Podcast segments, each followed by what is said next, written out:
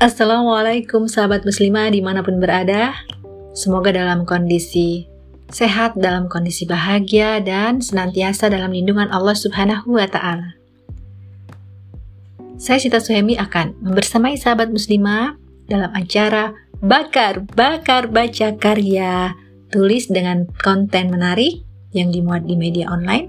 Kali ini kita akan bahas membentuk mindset yang benar ya, membentuk mindset yang benar tentang COVID-19.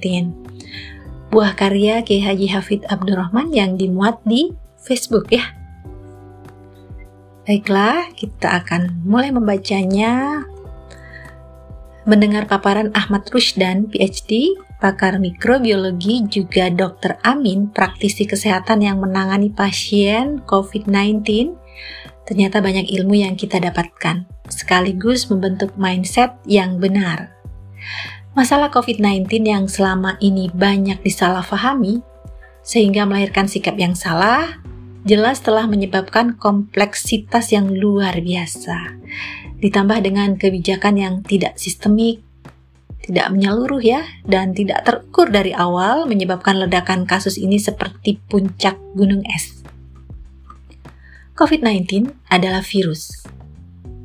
Virus, sebagaimana virus lain ya, virus ini ya, adalah makhluk yang Allah ciptakan dengan memiliki khasiat tertentu. Virus virus ini bisa masuk ke dalam tubuh melalui dua lubang, yakni hidung dan mulut. Kemudian masuk dan bersarang di paru. Serangan virus bisa menyebabkan pengentalan bahkan darah beku yang mengakibatkan penderita kekurangan oksigen. Meski masing-masing penderita kondisi daya tahan tubuhnya bisa berbeda-beda, karena itu ada yang bisa sembuh dan tidak jarang yang berakhir dengan kematian. Lalu bagaimana kita mendudukan masalah ini? Yang pertama, dalam konteks kodo dan kodar, kita harus meyakini bahwa kodo dan kodar, baik dan buruknya, dua-duanya berasal dari Allah Subhanahu wa Ta'ala. Kodo adalah perbuatan yang menimpa kita yang tidak bisa kita elakkan.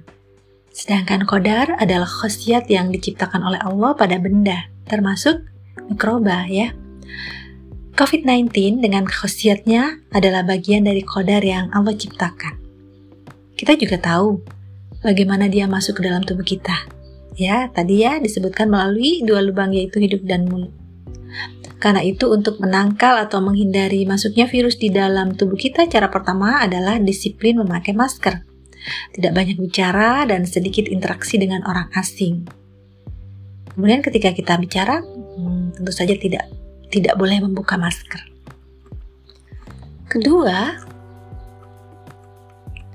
termasuk disiplin mencuci tangan agar kuman yang menempel di tangan ketika digunakan untuk mengusap mata, hidung, atau mulut tidak menjadi alat penghantar masuknya virus. Begitu juga dengan pakaian dan badan. Setelah terpapar bakteri dari luar, segera mandi dan dibersihkan. Yang ketiga, sebelum terkena virus, dilakukan penguatan fisik dengan melakukan vaksinasi. Vaksinasi ini untuk memberikan proteksi dari dalam agar virus yang menyerang bisa ditangkal oleh daya tahan tubuh. Yang telah divaksin setelah vaksinasi juga bisa dilakukan penguatan fisik dengan mengkonsumsi makanan sehat dan vitamin, menghindari gula atau konsumsi karbohidrat yang berlebihan supaya daya tahan tubuh kita kuat. Yang ketiga, berolahraga secara rutin demi menjaga kesehatan tubuh. Keempat, selain ikhtiar secara fisik, juga harus dilakukan ikhtiar secara non-fisik, baik secara psikis maupun spiritual. Dalam situasi yang serba amburadul, bahkan nyaris tidak ada yang bisa diharapkan, mindset yang benar ini penting. Kenapa ya? Karena ketika tidak bisa berharap kepada sistem yang ada, maka kita harus berikhtiar secara personal agar tetap sehat dan kuat. Karena ini dibutuhkan untuk dakwah ya dan mengemban risalah. Nah, jika uh, karena sebab inilah ya niatkan menjaga kesehatan dan tetap hidup sehat sebagai bagian dari misi mengemban dakwah karena dakwah ini harus diemban oleh orang-orang yang sehat ya.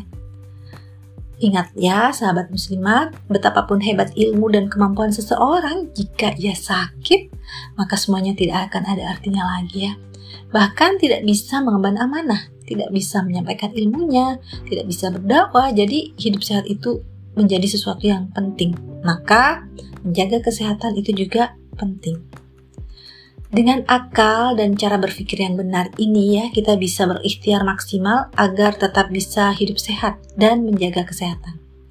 Dengan akal dan cara berpikir yang benar, ketika kita sakit, maka ingat ada tugas dakwah yang menanti, maka kita harus bangkit dan sehat. Berobat dan berikhtiar agar sembuh dari sakit. Jadi, niatkan semuanya untuk menunaikan risalah, mengemban dakwah. Karena itu, selain ikhtiar fisik, Terus-menerus kita harus menguatkan hubungan dan perlindungan dari Allah dengan melanggengkan zikir, selanjutnya sholat rawatib, zikir pagi dan petang, dan dalam kondisi-kondisi lapang dan susah. Terus menjaga qiyamul lail, sholat duha, membaca Al-Quran, dan terus mengokohkan iman itu adalah modal utama kita ya. Terutama iman kepada kodo dan kodar, tawakal, rizki, dan ajal.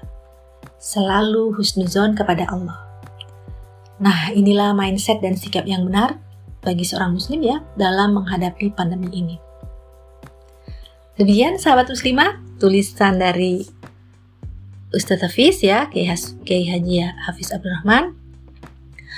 Dari sini kita bisa mengambil manfaat bahwa apa pun kondisinya, upayakan kita senantiasa sehat. Ya, tadi dengan beberapa poin yang disebutkan di atas ya.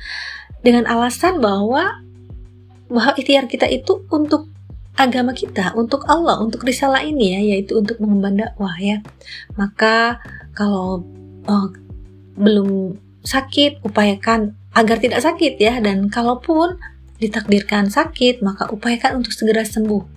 Selalu optimis ya, selalu berhusnuzon kepada Allah agar kita bangkit kembali dan bisa sehat, kemudian melaksanakan risalah dan mengemban dakwah ini. Demikian sahabat muslimah acara kita kali ini ya. Insya Allah kita akan bertemu kembali. Saya undur diri. Wassalamualaikum warahmatullahi wabarakatuh.